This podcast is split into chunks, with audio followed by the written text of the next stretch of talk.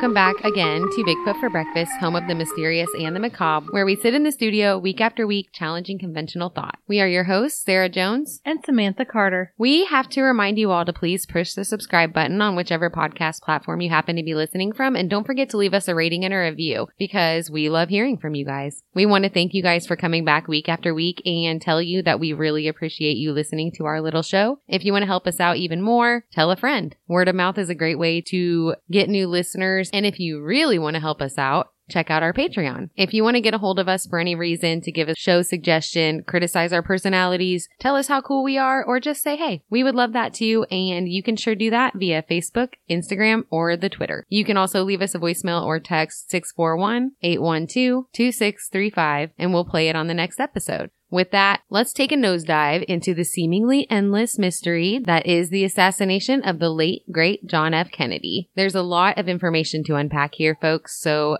although this will be a two parter, they will be pretty fast moving episodes as we try to fit as much as we can into each episode.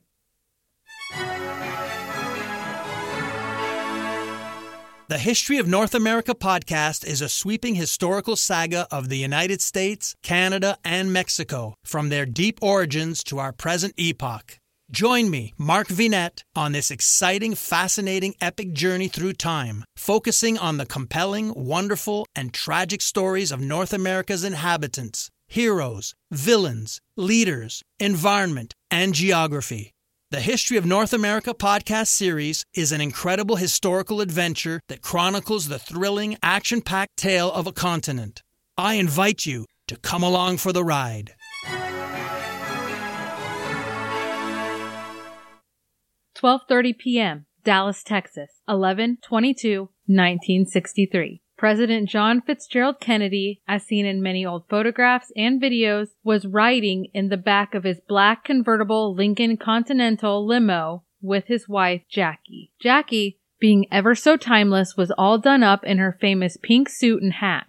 It was a nice change for people to see Jackie Kennedy in the company of her husband because the past couple of months she had kept a pretty low profile and taken kind of a little break from the public after the passing of their third baby, Patrick. Patrick had been born with hyaline membrane disease and passed away two days after he had been born. That had only just happened in August. John and Jackie had two older children at home, Caroline and John Jr. The car was moving at a slow pace the way a parade would, through Dealey Plaza, while the two of them waved at onlookers who happily cheered their names as they passed. The arrival of the president and his route through Dealey Plaza that day had been announced in the newspapers, so quite a little crowd had accumulated along the roadside. He had been president for three years at this point, one year away from possible reelection in 1964 for a second term, and he had been keeping busy campaigning throughout America. He had been traveling all over the western U.S. the past month, and he was making a point to hit both Florida and Texas. On his way back up to D.C., since they were both key states that he would need to win in a second election. It wasn't only that he needed to win those states, though. He made it a point to hit Texas, especially due to the fact that the Democratic Party in Texas was in really bad shape. They were dealing with a lot of extremists, opposition, and fighting within the party itself. He needed to get them together to work some things out before he could move forward in his important election year. The politicians and Secret Service had been made aware of the potentially volatile political climate in Texas, especially since an ambassador, Adlai Stevenson, had just previously been assaulted while in Dallas. And by assaulted, I mean a venue at which he was giving a speech was pretty much taken over by extremists marching with upside down flags and yelling obscenities at him. These people were followers of General Walker, and we'll tell you about him a little bit later. They were shouting Kennedy to hell and Stevenson's going to die. As Stevenson was exiting the venue and hurrying to his car, he notices a woman shouting at him angrily, and he tries to stop and speak with her peacefully. Unfortunately, she was carrying a large plywood sign, and the woman lunged at Stevenson, knocking him in the head with the wooden sign, as other protesters descended onto him and spit in his face while he was trying to get into his car to leave.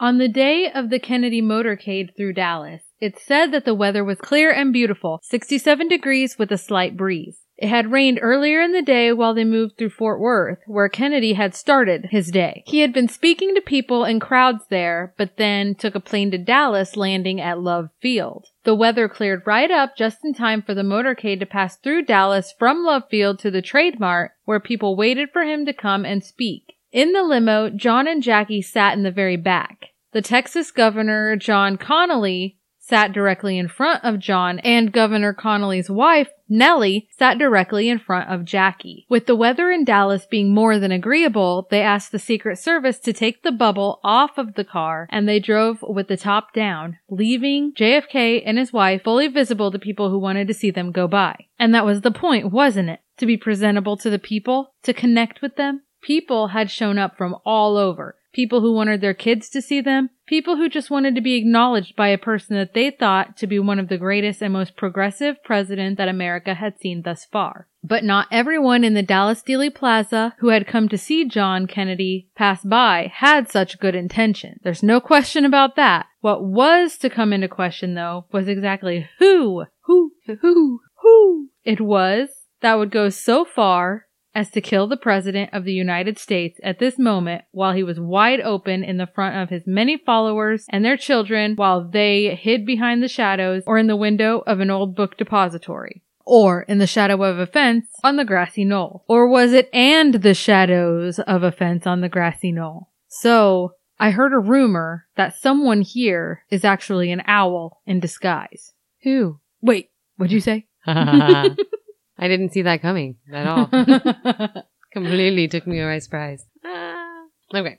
So obviously, though, we're getting ahead of ourselves. There's a whole lot more to the story than the assassination of JFK itself. Let's talk about who JFK was in the first place. We're going to give you a brief run through. He was a brother of both Ted Kennedy and Robert Kennedy, who we previously done episodes on. And just like we did with Robert, we need to talk about some of the things that JFK did, his accomplishments, his downfalls, and importantly, his friends and acquaintances in order to gain a better understanding of what happened to him, or at least gain somewhat of an idea as to why. In the Robert Kennedy episode, we talked briefly about their father, Joe. He was a driven man who expected a lot from his kids. He wanted them front and center making headway for their already very well off family to become one of the most powerful, wealthy, and influential families in American history. And we could say that he definitely got his wish. And John F. Kennedy seemed to have been prepped for the presidency for a lot of his life. He came from the right family, they set goals for him, sent him to the right schools, he even married the right girl, Jackie Bouvier Kennedy. He served time in the Navy and received heroic honors for leading his men to safety after their boat was attacked by the Japanese.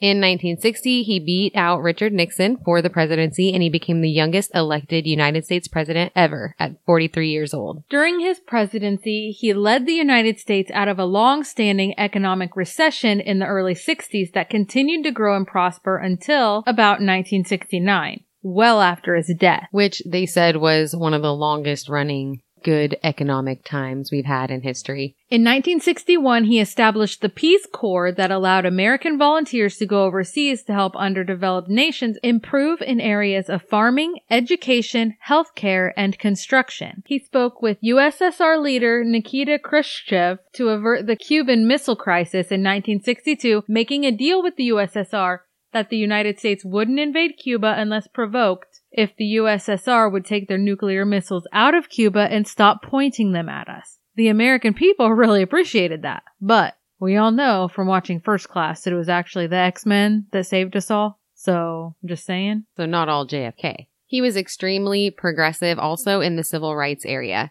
He was pro civil rights and always seemed to do whatever it took to try to even the playing field and help out civil rights leaders. He signed the executive order for affirmative action in 1961, ensuring that employers treat employees equally and hire equally. In 1962, he banned segregation in federal housing and encouraged integration in schools and public facilities. He was also big on domestic programs and providing assistance to help disenfranchised areas and populations get a leg up. In 1963, he signed the Equal Pay Act that would help close the wage gap between men and women. Like we said earlier in the episode, that morning was a busy one for the Kennedys. They started at the Hotel Texas where John Kennedy made a speech. He shook hands with the crowd, talked to people, and made himself as available as he could for the Texas folks who might be voting for him. He had even instructed the Secret Service to pretty much keep their distance so that he could do this without their interference and so Kennedy could appear to be more approachable. This was the reason that the Secret Service was not in the car with the Kennedys while they drove along in the motorcade. John Kennedy had instructed that they remain in the car directly behind him. And remember, he had also instructed them to remove the bubble top from the convertible so that he could be seen and that he could wave to the onlookers. And all of this likely contributed a great deal to making him such an easy target that day in Dallas. The motorcade route itself would come under suspicion as it was chosen by the Secret Service and was said to have had far too many turns. Obviously, this is something that they try to avoid because for turns, motorcade has to slow down. If there's a mob present, it gives them the opportunity to attack and it also makes a person an easy shot for a gunman. Now, I'm sure that subsequent Secret Service protocols were amended following this incident. The Secret Service at the time of the Kennedy presidency had never experienced an assassination, so I'm not sure that they were necessarily lax in their job here or if they just didn't realize how secure they needed to be until something bad happened. Another subject of scrutiny was that along this route and through Dealey Plaza, it was said that there were actually over 20,000 windows that Kennedy would pass by, and they were not checked prior to him entering the plaza at a slow rate of speed. Apparently, that is not a thing now. Nowadays, the cities are scouted months in advance. The cops are asked about any problem people, and those people are warned ahead of time that they'll be watching them. The records seem conflicting here because some sources state that the police and FBI in Dallas were not made aware of the motorcade route prior to it happening, and subsequently the Secret Service was not warned of any potential threat that might be present on the route, even though the political climate was actually pretty tense and dangerous in Texas at this time. Other sources claim that police and FBI assisted to secure the route ahead of time since Ambassador Adlai Stevenson had just been assaulted by an angry mob and injured as he was trying to speak in Dallas. In the JFK Information Archives, though, it does state that a Secret Service agent checked the geographic indexes for listings of persons who may be a potential threat and found none. They did ask for some photos of people who had been involved in that assault against Adlai Stevenson. And while the Secret Service was standing at the Trade Mart waiting for the president to arrive, they scoped out the crowd and removed a few people who resembled the activists in the photos. The Secret Service was also made aware of a flyer that was circulating the streets of Dallas. It was a paper with Kennedy's photo at the top that said wanted for treason. It then went on to list seven reasons why this was. In short, this flyer accused him of 1. Betraying the Constitution, 2. Being wrong on national security issues, 3. Being lax on communism, 4. Encouraging communists, 5. Illegally invading a sovereign state, 6. Appointing anti Christians to office, and 7. Being caught in lies to the people. Before they left the Hotel Texas, Kennedy is reported to have made a comment to his wife in passing regarding their drive through Fort Worth late the night before. He said to her, You know, last night would have been a hell of a night to assassinate a president. According to a loose timeline put together by business insiders, and keep in mind that this is a timeline based off of the initial investigation done by the Warren Commission after the assassination. Kennedy stopped his own motorcade at 12:05 a.m. in order to shake hands with the crowd for approximately 5 minutes. This is midnight? No. 12:05 p.m. Mm-hmm. Okay. Kennedy stopped his own motorcade. I was like, I'm pretty sure the videos were bright and sunny. It was. Very much misinformation. Kennedy stopped his motorcade at 12:05 p.m. in order to shake hands with the crowd for approximately 5 minutes. A few more stops were made along the way. By 1229, the motorcade is turning left from Houston Street onto Elm Street, and from here it is a straight shot, no pun intended, into Dealey Plaza. Almost immediately after their turn, bam, the first shot is fired. It misses. A few people heard the loud pop and looked around, confused. Later, it was reported by many of them that they thought it was the backfire of one of the cars in the plaza. A few people would later report that they thought it was kids playing with firecrackers. However, one man named James Tague was standing next to an overpass and either this bullet or some debris from the bullet did hit him as it was thought to have hit the curb next to him. He was likely the only person who was aware of anything amiss in this moment, but not for long. Less than one minute after the first bullet was fired, two more shots rang out in quick succession. Bam, bam. The second shot sent the president hunching forward, arms up by the headrest. He sat for a second or two in what was frequently referred to as classic Thorburn position. Remember that term, Thorburn position, because it'll be important later on and it will come into question. This shot was thought to have gone through the base of John Kennedy's neck, exit out the front of his neck, go through the seat in front of him and hit Governor Connally in the right side of his upper back, exit the front of Connally's chest, and go through Connally's wrist before it came to rest in his thigh as he was sitting in the seat directly in front of the president. Governor Connally's wife seemed to immediately know that he was injured. As she pulled him toward her, the governor could be heard saying, No, no, no, no, my God, they're going to kill us all. Governor Connally has interviewed several times since then stating that he is positive that he was hit by an entirely separate bullet than that which hit President Kennedy. His wife, who is sitting beside him, agrees with her husband. So basically, what they're saying is that the first shot came from behind, hit Kennedy in the neck, went through his neck into Connally, who is in the seat in front of him, entered through the right upper part of his back, went down his chest, out of his chest, through his wrist, and into his thigh. So it went through both of them. Magic. Well, we'll talk about magic later. What do you mean? Because the, I'm just kidding. well, that theory that we just talked about is called the single bullet theory. And later on, we'll come into another theory called the magic bullet theory, and you'll see why this is all important. the third shot comes now, and it hits John Kennedy on the right posterior area of his head. The last shot causes a large part of his skull to blow out onto the back of the car. Jackie Kennedy, frantic now, starts to stand up in the speeding automobile, climb out onto the back of the car as a Secret Service agent who has come running from the car behind them climbs up onto the car from the back. I'm sure that this Secret Service agent was frantic too, because despite all of the training that we are sure that they received, this had been the first presidential assassination since the Secret Service agency was formed and began protecting United States presidents. When he starts to climb up on the car from the back, Jackie turns around and sits back down in the seat as she is reportedly screaming, Oh God, oh God. What we did not specify previously was that she climbed on the trunk of the car, collecting his belongings Like by his belongings, you mean his skull. and pieces of his brain, yes. hmm So I think she was in quite the state of shock. she was screaming, Oh God, oh God, no. And all of this can be seen in the various videos that were taken that day. The limo is speeding away now out of Dealey Plaza and away from the unseen danger. They are headed straight for Parkland Hospital in Dallas to get medical attention for the president. So at this point, the sheriff, Bill Decker, is on the ground in Dealey Plaza screaming for officers to check the railroad tracks behind a fence. The fence is located on the grassy knoll just off the road in Dealey Plaza. Other police officers are running frantically from building to building trying to find anyone who may be the shooter. Anyone strange who doesn't belong in the building. Anyone that looks suspicious. They're quickly questioning people as to whether or not they saw anything. Simultaneously, a man named Lee Harvey Oswald is buying a Coke from a vending machine in the book depository for Texas College. He was an employee. Per later testimony in a courtroom by a woman named Mrs. Ruth Paine, Lee Harvey Oswald had gotten this job not long before the day of the shooting.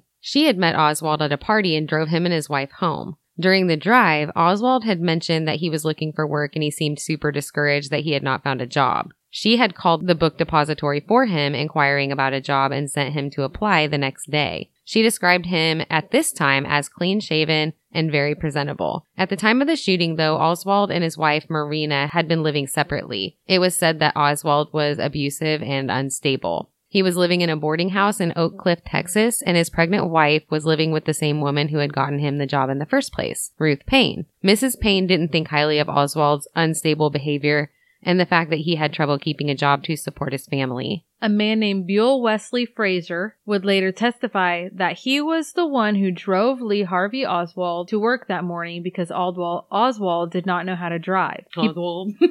what? Sorry. Go ahead. Sorry. Just had to. No, I can't talk. He picked him up that morning, listened to the news on the radio as they rode for 20 minutes into Dealey Plaza. It seemed to be a pretty normal morning as Frazier would state that Oswald was, quote, just his typical old self. He didn't talk much. They never do. I don't know. Ted Bundy. Well, he's not an assassinator. Totally different crimes. Yeah. Never mind. Again. The only thing that seemed off was the package that Oswald had with him that morning.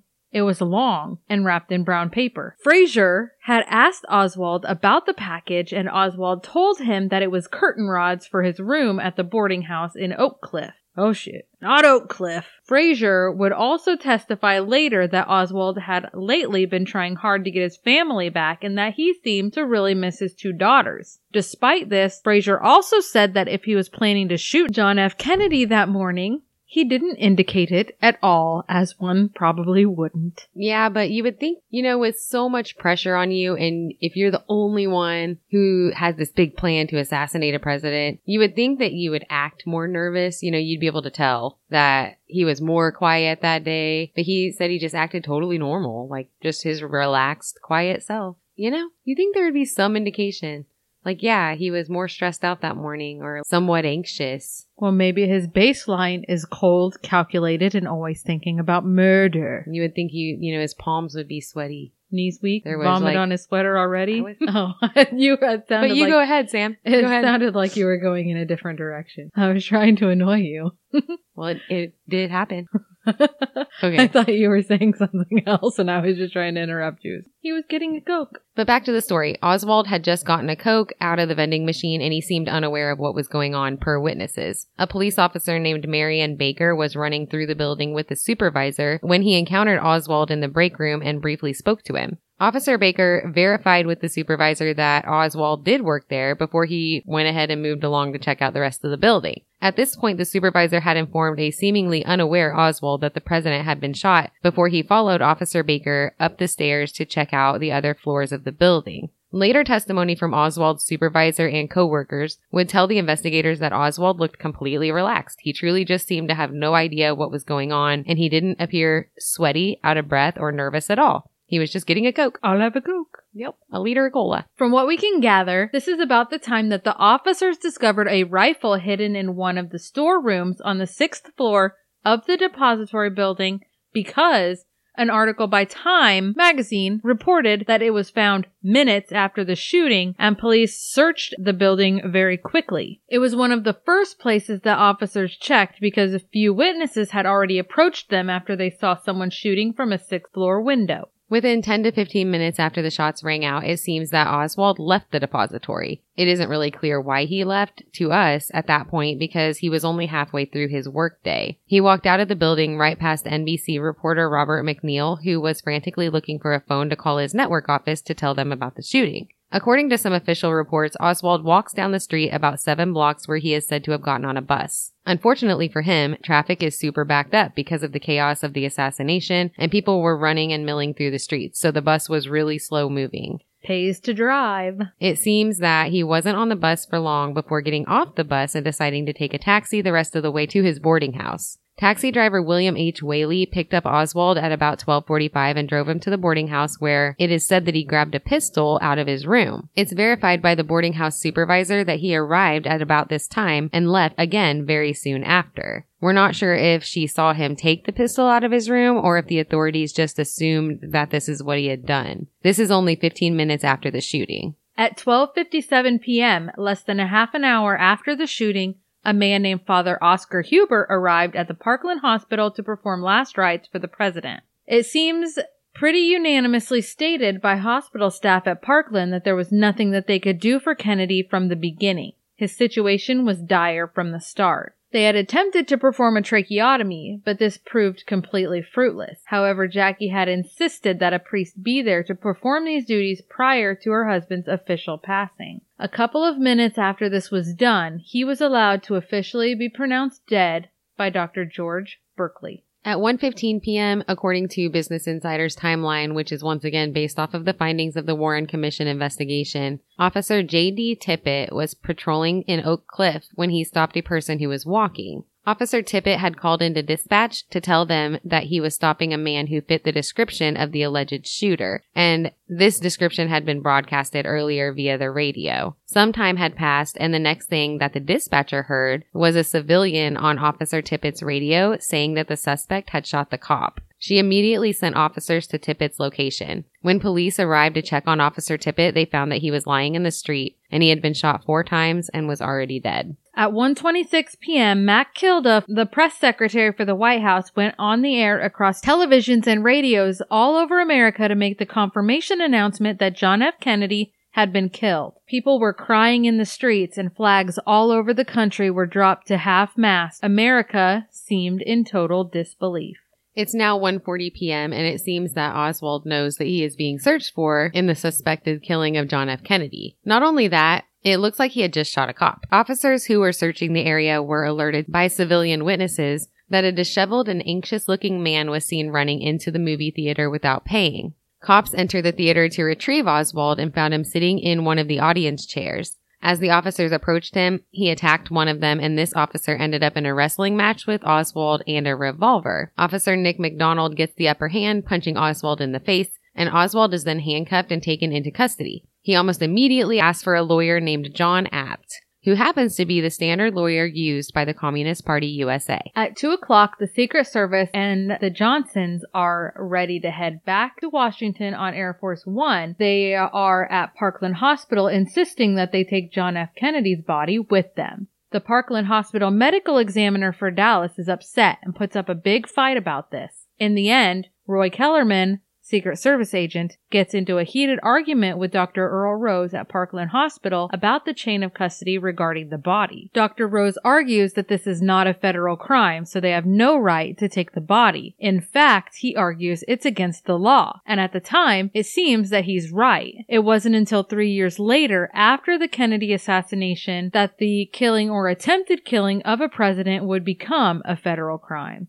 So legally, Dr. Rose is supposed to do an autopsy before the body leaves the Dallas hospital. The Secret Service skirted around this by contacting the district attorney Henry Wade, and an agreement is made that the body will personally be attended by John F. Kennedy's White House physician, Dr. Burkley, all the way to Washington. The Secret Service would end up confiscating the body of JFK prior to an official autopsy being performed at Parkland Hospital. The autopsy would now be done in Washington, D.C. It seems important to note that prior to announcing the death of the president to the public, the press secretary for the White House, Malcolm Kilduff, had gone to speak with Vice President Lyndon Johnson. He wanted to know if it would be okay to announce the death of President Kennedy at that time. Reportedly, LBJ asked that Kilduff wait until after they left the hospital, stating, quote, I think I'd better get out of here before you announce it. We don't know whether this is a worldwide conspiracy, whether they are after me as well, or whether they were after President Kennedy, or whether they were after Speaker McCormack or Senator Hayden. We just don't know. End quote. We understand that this was a very traumatic event that day that they had gone through, but the fact that he even said that fueled a lot of speculation alone, especially in conjunction with some of the other facts that we'll examine as we move through this episode. As they left the hospital, Jackie Kennedy walked out in front of reporters and onlookers, intentionally still wearing the pink dress that was badly stained with the blood of her husband. She told Lady Bird Johnson, Lyndon Johnson's wife, that she would not change it because she wanted them to see what they had done to Jack. Fun fact, Jackie's dress had never been cleaned and remains to this day in the National Archives. Per the wishes of the Kennedy family, it will not be seen by the public until 2103, 150 years after his death. We might miss that boat. Just a little bit. I mean, I hope. It's a long time to be living. I'm like a sea turtle, mate. I'm not. There's an end to this journey. While they all made the flight back to Washington, John F. Kennedy's body in tow, Lyndon B. Johnson would take the oath of office mid-flight on Air Force One. The oath of office was administered by the first woman to ever do so, Judge Sarah Hughes. She wept the entire time as she was doing it. 99 minutes after the sudden and tragic loss of their beloved president, the people of the free world had a new leader. An hour later, Oswald sat in the police station waiting to be questioned. His hands come back positive for gunpowder residue, which shows that he has recently fired a weapon. He was charged at this time for the murder of Officer John Tippit. About an hour after that, before Oswald had officially been charged for the murder of President Kennedy, FBI Director J. Edgar Hoover was already on the phone with Robert Kennedy to let him know that they had already caught the president's killer. Hmm. Oswald would be interrogated late into the night, taken from office to office as lineups are performed by witnesses. At one point, he screams, I didn't shoot anyone at the press who is in his face the entire time he's being walked around. The driver of the bus that Oswald briefly boarded positively identified Oswald at this time. The next day, November 23rd, Lee Harvey Oswald was arraigned for the murder of J.D. Tippit. Over the past 24 hours, he was questioned numerous times and he was subjected to several lineups, although he was given approximately eight hours to rest. During all of this moving around, he stopped at some point to give an answer to a few questions from the press, during which time he said that he really didn't understand the situation fully and that he had been told basically nothing except that he was accused of murdering a policeman. He was then asked, Did you kill the president? He replied that he didn't and that he had not been charged with killing President Kennedy. He hadn't even been told that this was a possibility, and it was at this moment that he had even heard of that. He would subsequently be questioned in the murder of JFK and repeatedly deny it. He never admitted to having killed JFK or Officer Tippit. In his testimony, there are several claims from Oswald that he never shot anybody, repeating over and over that he did not do it and that he was just a patsy. A slightly more in-depth statement from Oswald in the morning of November 24th states this. If you ask me about the shooting of Tippit, I don't know what you're talking about. The only thing I am here for is because I poop or pop. Did he, did he, He really poop him? it. Did he really poop him? Okay. you girl up, you wrote it. The only thing I am here for is because I popped a policeman. I accidentally typed pooped instead of popped, and Sam is having trouble composing herself. Hmm. It's quite entertaining. Well, it's midnight. Because I popped a policeman in the nose in the theater on Jefferson Avenue, which I readily admit that I did because I was protecting myself. I haven't shot a rifle since the Marines. American people will soon forget that the president was killed, but I didn't shoot him. I know, I'm not sure what that meant, but that is his quote. That's what he said. I did not kill President Kennedy or Officer Tippit. If you want me to cop out to hitting or pleading guilty to hitting a cop in the mouth when I was arrested, yeah, I plead guilty to that. But I do deny shooting both the president and Tippit. Obviously, Oswald wasn't the first or the last murder suspect to deny their charges, so his lack of confession isn't exactly strong evidence that he didn't do it.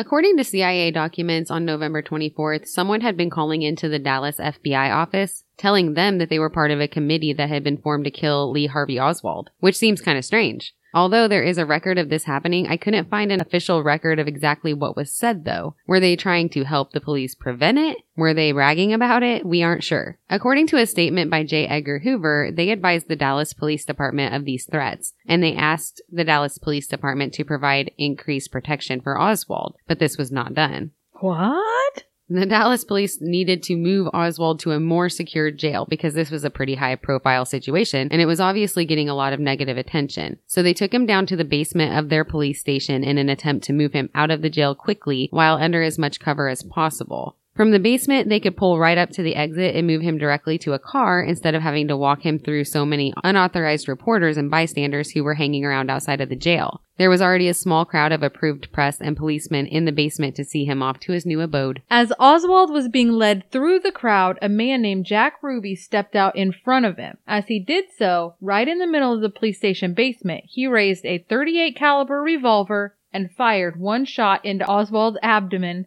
before being detained by many cops standing around him. Of course, the police pounced on Jack Ruby right away. One of them reportedly screaming, Jack, you son of a bitch! That was really probably about how it was. Very emphatic. Go on. While Jack yelled in return, I'm Jack Ruby. You all know me. And they did. Apparently, Jack Ruby had befriended a number of these law enforcement officers over the years. So, it probably didn't alert them to anything highly dangerous that he was there, even if he wasn't necessarily supposed to be. And that was probably part of the plan. Yeah. Become a permanent fixture so they don't think anything about your presence. Yep. He just slipped right in and stood, you know, kind of innocuously in the crowd. Lee Harvey Oswald was rushed immediately to Parkland Hospital, the very same hospital at which John F. Kennedy passed away two days earlier. One shot. It was enough to fatally wound the murder suspect, Lee Harvey Oswald.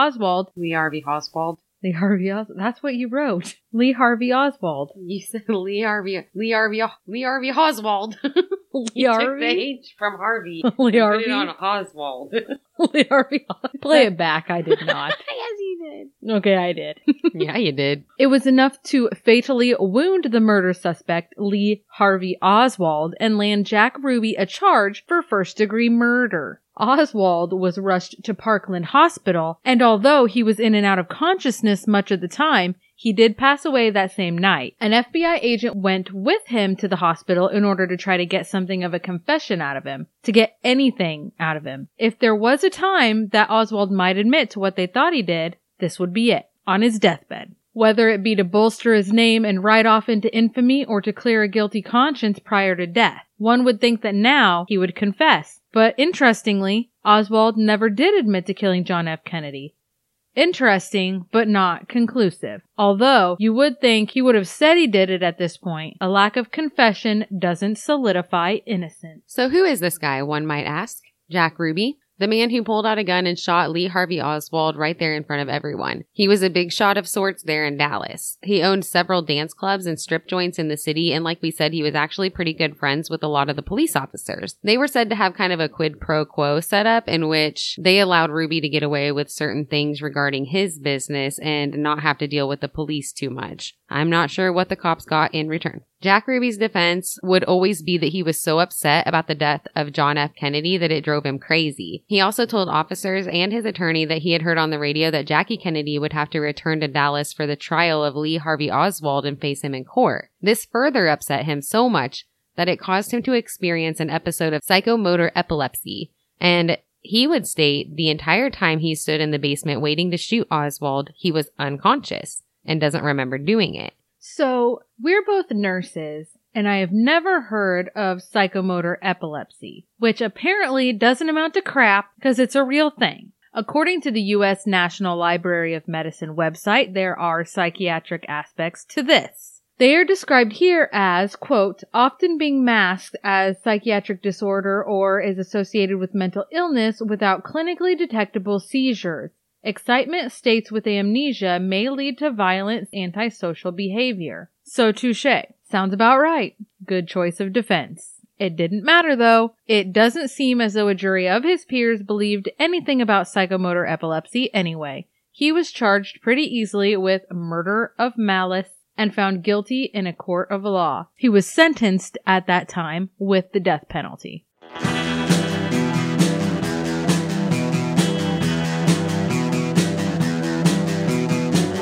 You're listening to the Prescribed Films Podcast Network, home to hundreds of hours of free podcast entertainment.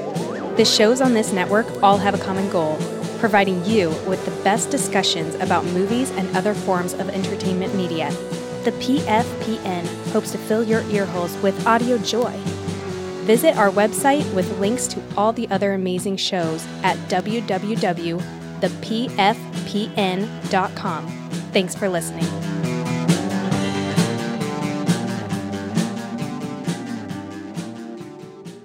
In that same CIA document that we mentioned earlier, J. Edgar Hoover addressed the fact that it was inexcusable for the Dallas PD to not offer more protection to Oswald after the FBI had warned them of the phone calls they had been receiving from a person claiming that they were going to kill him. But the FBI genuinely seemed much less concerned about the fact that they still could have gotten a lot of answers from Oswald regarding the Kennedy assassination and much more annoyed that his death would, quote, rile up the civil rights people. In the end of the document, it says, quote, it will allow, I am sure, a lot of civil rights people to raise a lot of hell because he was handcuffed and had no weapon. There are bound to be some of our society who will holler their heads off that his civil rights were violated, which they were. End quote. On November 25th, 1963, John Fitzgerald Kennedy was laid to rest in Arlington Cemetery. According to an article in Life, written by Ben Cosgrove, as he described a riderless horse following Kennedy's body down the road. Kennedy was being carried in a horse-drawn carriage. The riderless horse was carrying, quote, empty boots reversed in the stirrups in token that the warrior would not mount again. It was large affair, of course, people from all over the U.S., many world leaders. The world was there. People from all walks of life attended to show their respect for the slain United States President. As they were leaving, John F. Kennedy's three-year-old boy, John Jr., turned back to salute his father before being led away by his family. Later that night, lonely and heartbroken, his wife, Jackie Kennedy, returned to his gravesite to lay flowers and be with him a little bit longer. A week after the death of JFK and after a ton of debate within the White House, the new president, Lyndon B. Johnson, established the Warren Commission via executive order to investigate the death of the former president. The Warren Commission was named so due to the fact that it was headed up by Chief Justice Earl Warren. They did a 10 month long investigation. Before their report even officially came out, there were rumors and speculation happening among the United States population. The Warren Commission members were being accused of intentionally delaying the release of the report until after the November election had passed. And later it would turn out that it seemed that this was true. They didn't want the report to interfere with Lyndon Johnson's chances of re-election in case the public wasn't fond of the result. In reading an article about the Warren Commission by Time, they described the report as being amazing in detail, remarkable in its judicious caution and restraint, yet utterly convincing in its major conclusions. The writer went on to say that the wonder was not that the commission took such a long time to complete its report, but that they did so much so swiftly. The media absolutely hyped this report up and did nothing but sing praises for the Warren Commission and their hard work. In the end, the report concluded that Lee Harvey Oswald acted completely alone in the shooting of both President Kennedy and Governor Connally without physical assistance of anyone else or influence from any foreign entity. They also concluded that Jack Ruby and Lee Harvey Oswald were not connected in any way. At all. Like we said, the media did nothing but praise the report and the Warren Commission constantly, while polls shows that approximately 80% of Americans did not trust the report and believed that there was much more to the Kennedy assassination than they were being told. The police first had been alerted to the college book depository building because the mayor of Dallas's wife, Mrs. Cabell, reported that she saw a quote projection sticking out of the window in that particular building during all of the commotion. Another witness also reported the projection. This man was Robert H. Jackson, and he was a photographer for the Dallas Times Herald. A third witness also came forward to say that they saw actual gunfire coming from a window of that building. This witness was a 15 year old kid named Amos Euins. He was at the Dealey Plaza to see the president with his ninth grade class. He testified that he saw quote, a pipe coming out of one of the windows of the depository while he stood right across the street. He had just excitedly exchanged waves with President Kennedy. Amos describes hearing four shots. He said that after the second shot, the pipe went back into the window and a man poked his head out. He saw a bald spot on the man's head and he could see the rifle laying across his hands as he leaned out. A third shot was fired right after that out of the window before the man went all the way back in. Amos was asked about the fourth shot. He said after the man went all the way back in, he leaned back out again to fire the fourth shot before again retreating back into the window. And then at that point, Amos ran away. He wasn't able to give a good description of the man other than just that he had a bald spot that he noticed while the man looked down at his rifle. When Amos ran away, he ran toward the railroad tracks on the grassy knoll, and there he saw the police already searching that area. He told them that he had seen the barrel of a gun and took them to the building from which he saw the shooting. He said that the cops followed him there and then surrounded the building while some of them went into search. So this was likely only a few minutes after the gunshots happened, if that. Amos also reported in court that he heard a construction guy tell the cops that he saw a man run out of the back of the book depository just before they got there. It was the fourth witness, Mr. Howard Brennan, that they got an actual description of the shooter and not just testimony that the barrel of a gun was seen. He had been sitting on a retaining wall waiting to see the president pass and was looking around when he saw a man on the sixth floor of the book depository approach the window and then turn around and walk away. This happened a couple of times so it got his attention. Right about 12:30 he reports hearing the first gunshot, but at the time thought it was a backfire from a vehicle. Then he heard the second shot. He thought it was a firecracker being thrown from the book depository window. So he looked up at the building and Brennan described seeing a man taking aim and shooting. A man at the same window he had noticed earlier when he saw a person walking back and forth in the building. He describes the man at about 5'10, 160 to 170 pounds, fair complexion, slender, neat, young, in his early 30s maybe. He also said that the man was wearing khaki colored clothing, from what we can gather. That was about it for the description, but it was something. Brennan ran to the first cop that he saw to tell them where the shooter was, and by 115, television and radio networks had already put this description out several times, and vague as it was, it did match that of Lee Harvey Oswald. Later, Brennan would pick him out in a lineup as being the man he saw shooting from the window according to the Warren report. That's why Officer Tippit stopped Oswald as he was walking on the sidewalk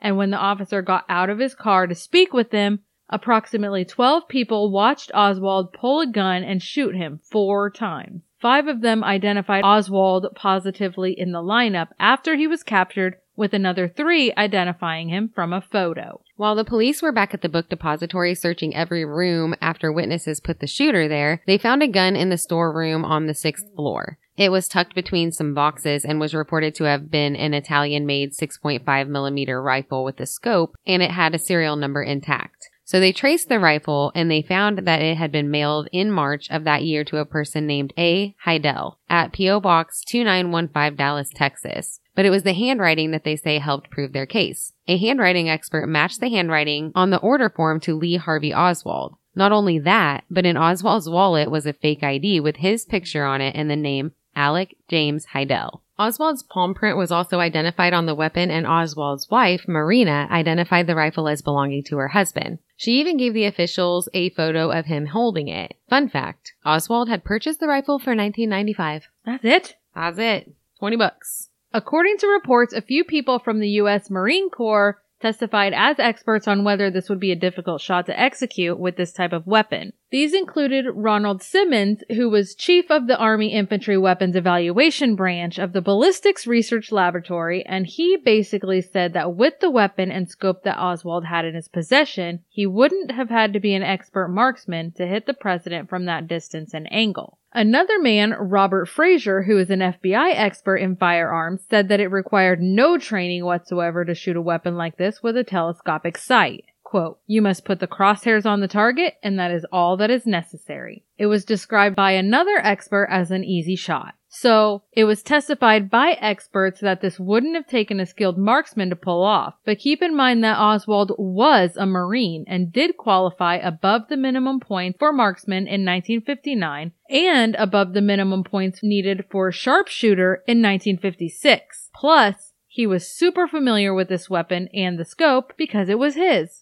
Typically, the weapon was kept at the home of a family friend, Mrs. Paine. Oswald's wife, Marina, was living with Mrs. Paine, like we said earlier, while the two of them were separated. And at the time of the Kennedy shooting, Oswald was living in the boarding house. The Thursday before the assassination, he had gone to Mrs. Paine's home to visit his wife and children. When he left, Marina noticed that he took a package wrapped in brown paper with him. This had been reported to the authorities in Marina's testimony. This would have likely been the package identified by Mr. Frazier, the man who gave him a ride to work. And remember, Oswald had told him that the package contained curtain rods for his boarding house. Although the Warren Commission would report that they spoke to the people who ran the boarding house and found that the room was already supplied with curtains. So why would Oswald be bringing curtain rods? The brown wrapping was also reported to have been found on the floor next to the window that the witnesses reported seeing the shooting from. Of course, there was nothing in it at the time. The Warren Commission stated that Oswald's prints were found on this packaging as well. Marina, Lee's wife, testified for the Warren Commission that he had been a quiet man outwardly, but he often had big opinions, especially of himself. He was always dominant and thought of himself as a revolutionary and a leader, yet also constantly felt extremely oppressed and would sometimes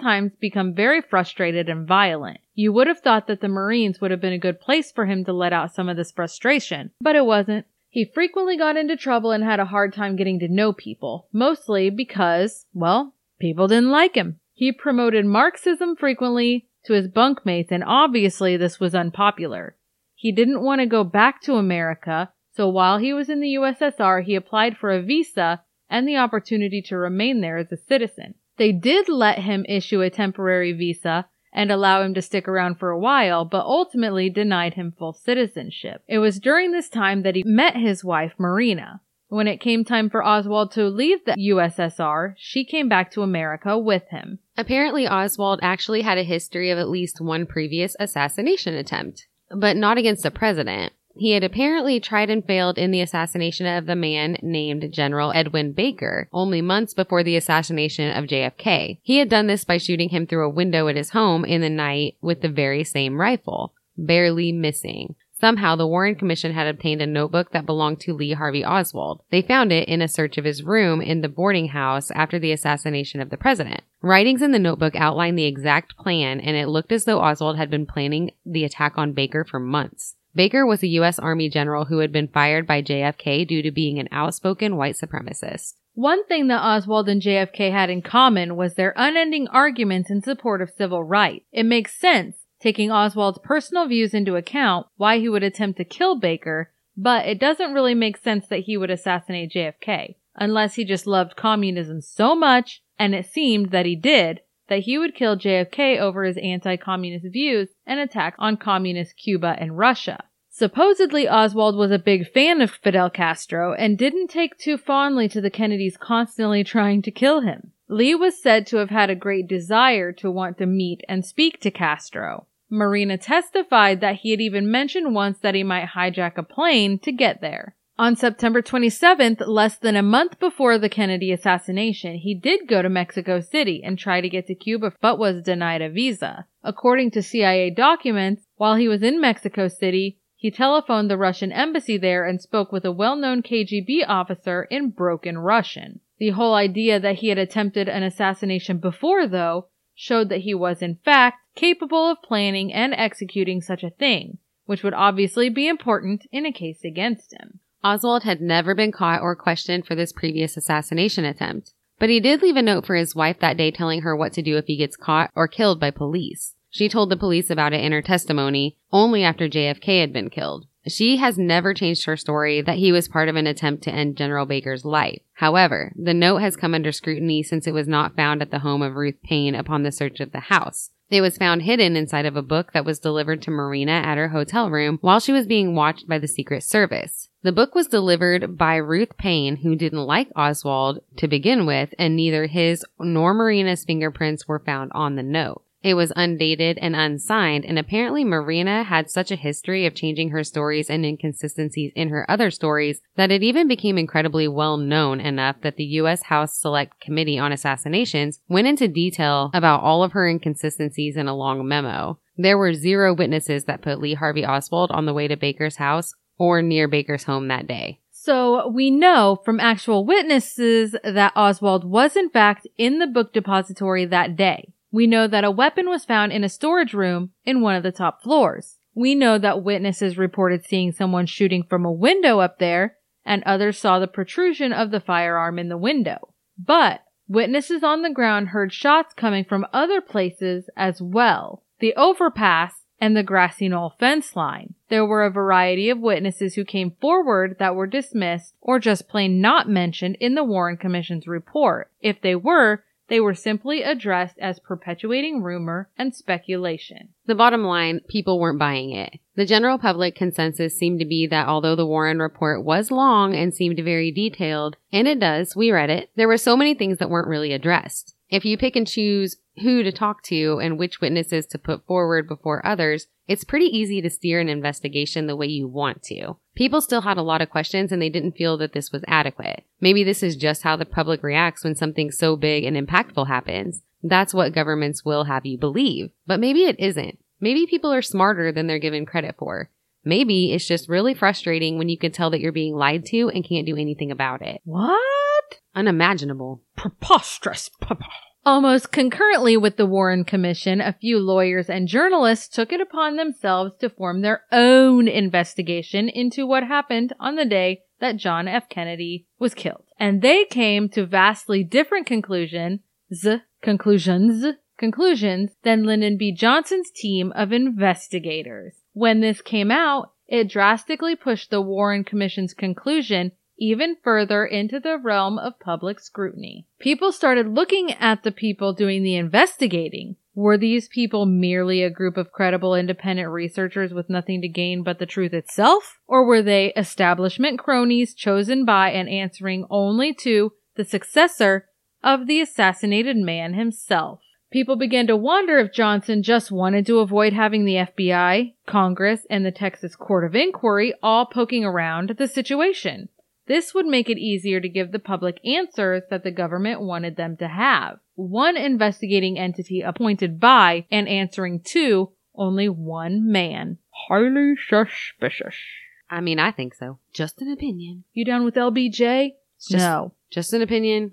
it's just an opinion. This would become apparent a mere month after the Warren Commission released its report. Although the media praised the Warren Commission for its results, the public remained uncertain and untrusting. In a nationwide poll, it was revealed that the vast majority of Americans didn't believe that the Warren Commission tied up the loose ends. In subsequent years, this would be even more evident when authors and members of the media had begun investigating the Warren report itself, following their same leads only to come to different conclusions, finding out that witnesses were neglected and ignored and their claims were ignored as well. The methods used weren't nearly as exhausting as what they were praised for. New information was coming to light that might have been previously kind of swept under the rug. These ignored witnesses were coming forward and talking to other people instead, people who chose to listen like popular authors Jay Epstein and Mark Lane, who each released a book using logic, investigative grit, and intelligence in scrutinizing the Warren Commission in 1966. And this was starting a dialogue that spread like wildfire. There were several key things presented by the Warren Commission that would come under scrutiny within the Warren Report,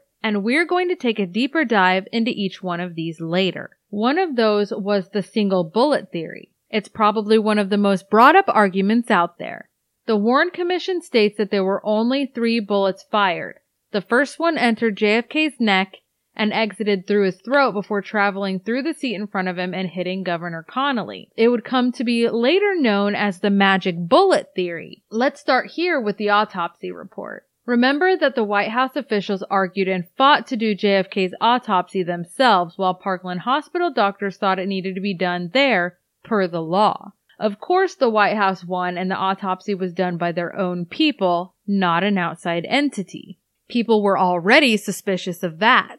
It was determined that Dr. Humes would oversee the autopsy and it turned out there were quite a bit of questions about his report. Notably, the lack of any kind of bullet trail through JFK's neck shown by x-ray and on top of that, apparently there was no dissection of the neck at all. This is super important because it shows that they could not have conclusively shown the trajectory adequately and sustained the single bullet theory in which they say the bullet traveled through the neck and into Governor Connally. Governor Connally stated in a couple of interviews that he knows that an entirely separate bullet struck him and so does his wife, Nellie. Whoa, Nellie. Whoa. The news was even suspect during this time. I'm just going to leave that there. What?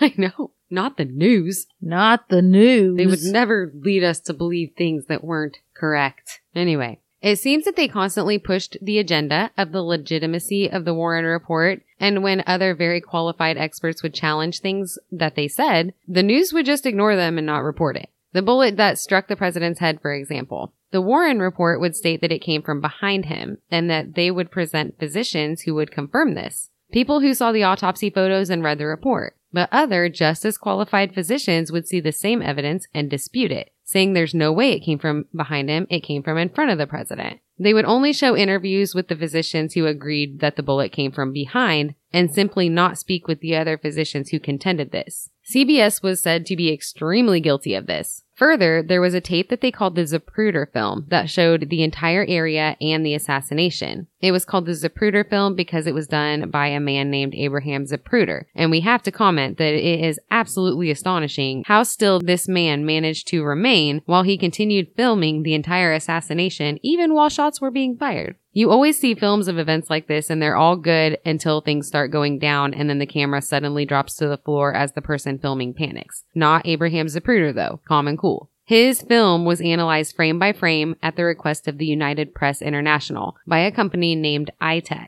Each frame is one eighteenth of a second and they are individually numbered. CBS stated that Itek was a quote, world renowned company for film analysis. But it was never determined that they were necessarily renowned for anything. Apparently, a human figure shadowy image could be seen on the grassy knoll in the tape, and Itek was tasked with analyzing the film specifically to see if they could tell if it was a person. Itek came out and said that it was not a person. It was nothing. Later, a woman named Marie Schoenfeld, who works as an executive for United Press International, came out and stated that the chief executive and the president of Itek were agents of the CIA. Hmm.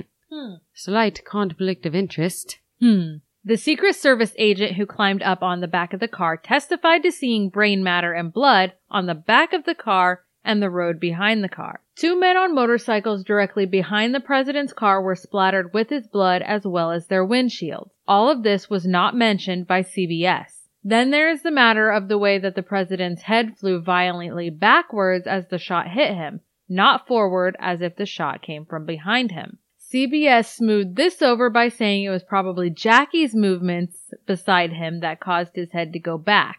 All we can tell you is watch the video and see what you think about that. The Warren Commission initially had the Zapruder film in their possession and in their report they determined that just before Kennedy's head flew backwards, it actually moved slightly forward and this was the point of impaction. It moved slightly forward just portions of a second prior to the driver hitting the accelerator, causing his head to go back with the movements of his wife beside him. Interestingly, though, when the Zapruder film was made available to be placed into evidence, it was found that two of the three frames had been transposed and mislabeled.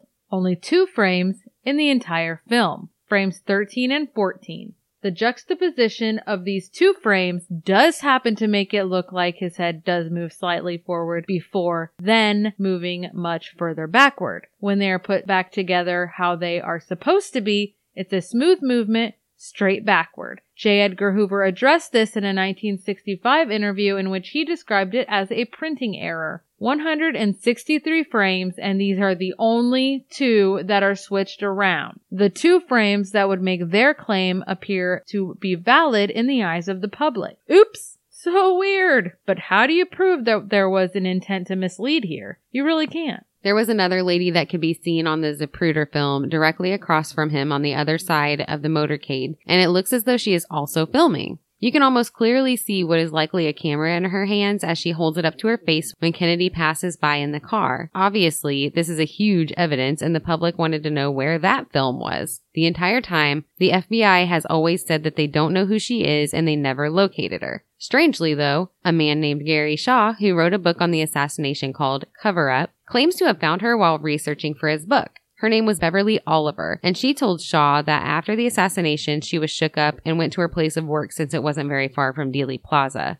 She told him that she wasn't there for very long, and when two members of the FBI showed up and asked for her film, they told her that they would develop it for her and make two copies, keeping one for their evidence and sending one back to her. She claims that she has never heard from them or seen the film to this day. From where she was standing and the direction at which her camera was pointing, she would have had full view of both the book depository building and the grassy knoll. A possibly much better view with possibly a lot more answers. It doesn't seem that too many people will argue that Lee Harvey Oswald, or at least someone, was indeed shooting from the top story of the book depository due to the witnesses who put a person there with a gun shooting at Kennedy. But it will be argued that he wasn't the only one, and there had to be a second shooter on the grassy knoll as well. It will be argued that not only witnesses who heard the shooting could place a shooter on the grassy knoll, but the bullet evidence would as well. So why would the Warren Commission seek to smooth over the Kennedy assassination, blaming it on the crazed individual and not want to pull the strings on a deeper story and unravel the sweater of conspiracy? We're glad you hmm. asked. Many speculate that they just believed it was the best thing to do. If the murder of JFK was a plot by communists, it would cause the people to be angry and the people would seek to push their government further into conflict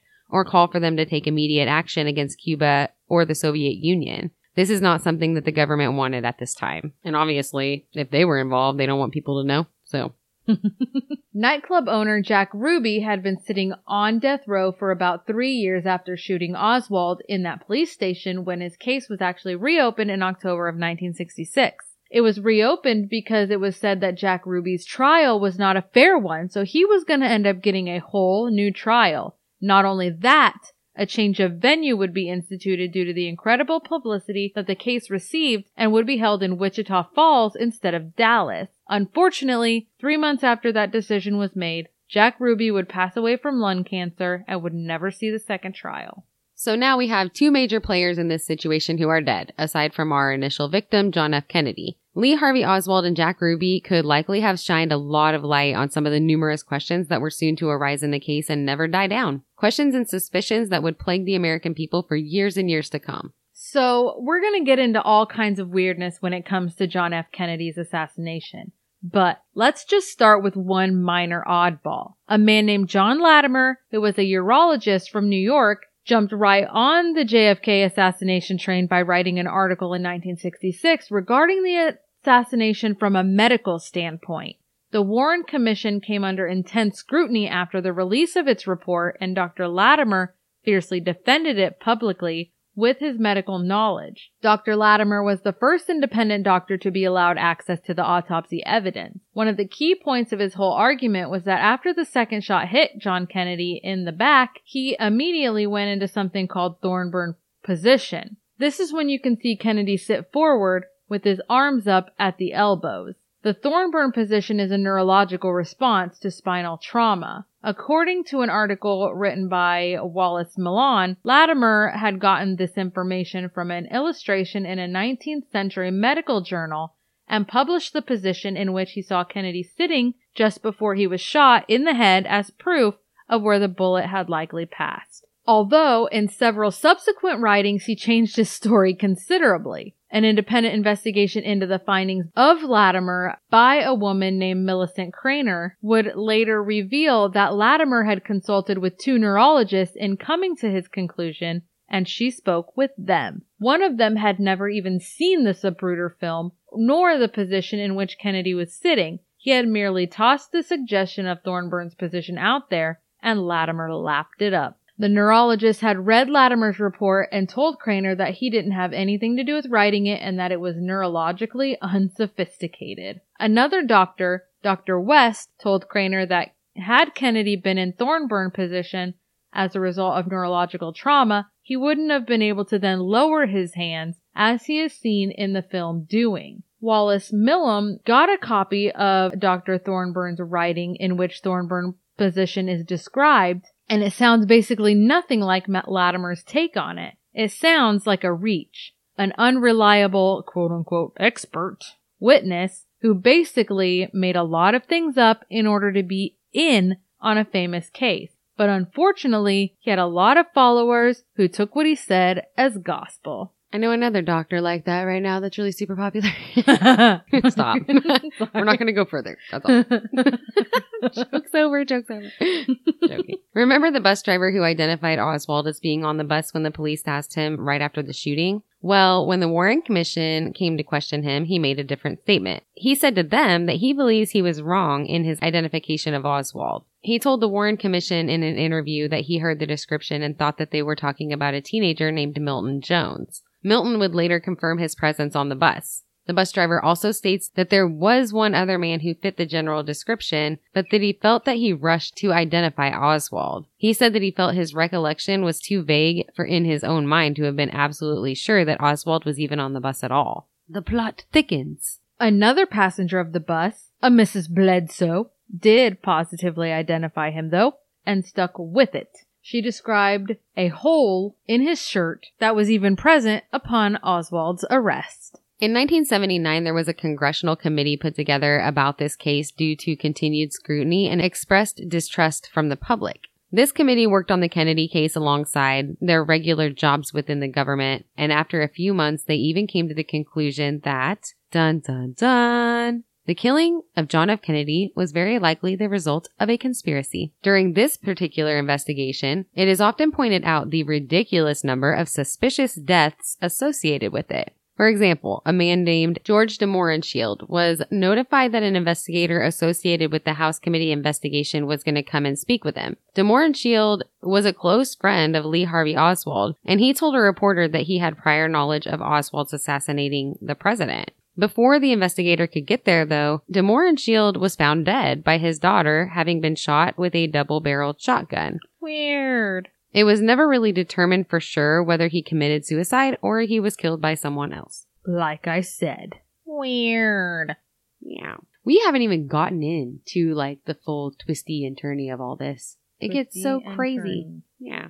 There were a lot, and we mean a lot, of mysterious deaths related to this case. A woman named Karyn Kupcinet called the cops a couple of days before the assassination, screaming into the telephone that President Kennedy was going to be killed. She was found eight days later, strangled in, apart- in her apartment, and it was never solved. Grant Stockdale jumped or was pushed out of his office window after he returned from visiting Robert and Edward Kennedy, as he was a close friend of the president. When he returned, people who knew him reported that he had been acting really weird, talking about people who were trying to get him and how the world was closing in, before he died without leaving any kind of note or explanation. In October of 1964, a woman named Mary Pinchot Meyer was shot twice in a park after she could be heard screaming. Long story short, it was never solved, but it was apparently pretty common knowledge that she'd been having an affair with JFK and had told her friend that the details of the affair were in her diary in case anything happened to her. When they went to her house after her death to look for her diary, they found another man in her house. CIA agent James Angleton, who said he also needed the diary. When it was found, he took it with him. Hmm. So weird. In 1971, an ex CIA agent, Winston Scott, was writing a book about his time in the FBI and the CIA, which is never a good idea. People always die while they're doing that. He suddenly died of a heart attack after requesting a meeting with the then CIA director and notifying him of the manuscript. After he died, the CIA came and took the manuscript along with other JFK assassination related stuff. Later, Winston's son, Michael, said that it was CIA agent named James Angleton who came and took these things from his father's office. When he got the manuscripts back, huge portions of it were missing due to national security issues. For the record, Michael Scott never believed that it was a heart attack that killed his father. It was said that a woman named Nancy Carole Tyler and Mary Jo Kopechne, who were both secretaries in the White House, told a man named Bobby Baker, who was a political advisor to Lyndon Johnson, that JFK had plans to replace Johnson on the Democratic ticket as his running mate. Bobby Baker and Johnson were super close, and there isn't much doubt that Baker let Johnson in on this bit of information. Nancy Tyler would later die in a plane crash in 1965. Mary Jo Kopechne would go on to die in 1969 in the car of Ted Kennedy at Chappaquiddick. A woman named Dorothy Kilgallen was a reporter who interviewed Jack Ruby while he was in prison. She had excitedly told friends that she had information that would, quote, break this case wide open. Not long after that, Kilgallen was found dead. Her death was ruled a suicide by accidental overdose. Her notes were never found for that interview with Jack Ruby, though. Hmm. They're gone. They gone. This was only a small list of examples when it comes to people who appear to have been subsequently harmed in the wake of investigations into the Kennedy assassination. Unfortunately, we're going to have to continue the craziness of this situation into next week. You're welcome. Yeah. Another gets- week. It gets weirder, obviously, because we've covered who Kennedy was, the facts about his assassination, what kind of happened, the couple different reports and investigations that were going on. So you know all that stuff. Now we get into the weird stuff and all the speculation, which is fun. You got the meat and potatoes, and now you're going to get The gravy. The gravy. It has to be the gravy. Ooh. It is questionable gravy, but it is gravy nonetheless. All gravy is questionable. Yeah. Secrets in the sauce. No, it's not. Yes, it is. so, we did try super hard to explain it all in one episode, but there was really no possible way to give a well-rounded picture of the Kennedys, his assassination, the investigations, and the conspiracies that followed in one hour. We appreciate, we appreciate, Appreciate. appreciate your patience with that. It is just an incredibly deep story, and believe it or not, it gets so much weirder and more suspicious. That sounded very news angry. More Mm. suspicious. And that's the way the cookie crumbles. And that's the rest of the story. And that's That- Walter Cronkite. Okay, so that's going to have to do it this week for this episode of Bigfoot for Breakfast. That'll do, pig. That will do, pig. Make sure you hit the subscribe button on whichever podcast platform you happen to be listening from and leave a rating and a review because it helps us out a whole bunch. We really mean that it does. Don't forget to spread the word about the show. A little word of mouth goes such a long way. So if you know someone who might be interested in a show like ours, please tell them about it. Please. Come on. Come on. Come on. Come on. You can contact us through Twitter, Instagram, Facebook, or you can email us at bigfootforbreakfast at outlook.com. You can also give us a call. Give us a ring-a-ling-ling and leave us a voicemail. Give us a jingle at 641-812-2635. If you leave us a voicemail, we'll play it on our next episode. You can also text that number too. We will also just say it on our next episode. We'll read it aloud. Sam will do her best Walter Cronkite whilst reading your text. No. You'll have to watch a few YouTube videos and get it down. You have to. I already committed you. That's how life works. Shit.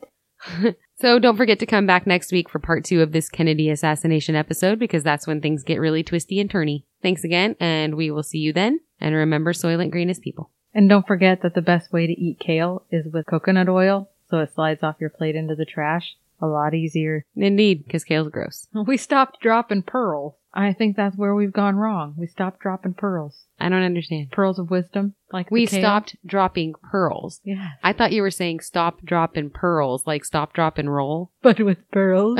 but you do it with pearls. I'm a classy lady. I do everything with pearls. I was not following at all. I don't know why, because duh, why would you not with pearls? With pearls and Lee Harvey Oswald.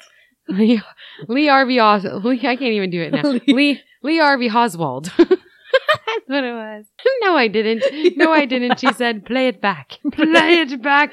It's with my best Tyrion Lannister accent. Play it Balder back. Dash.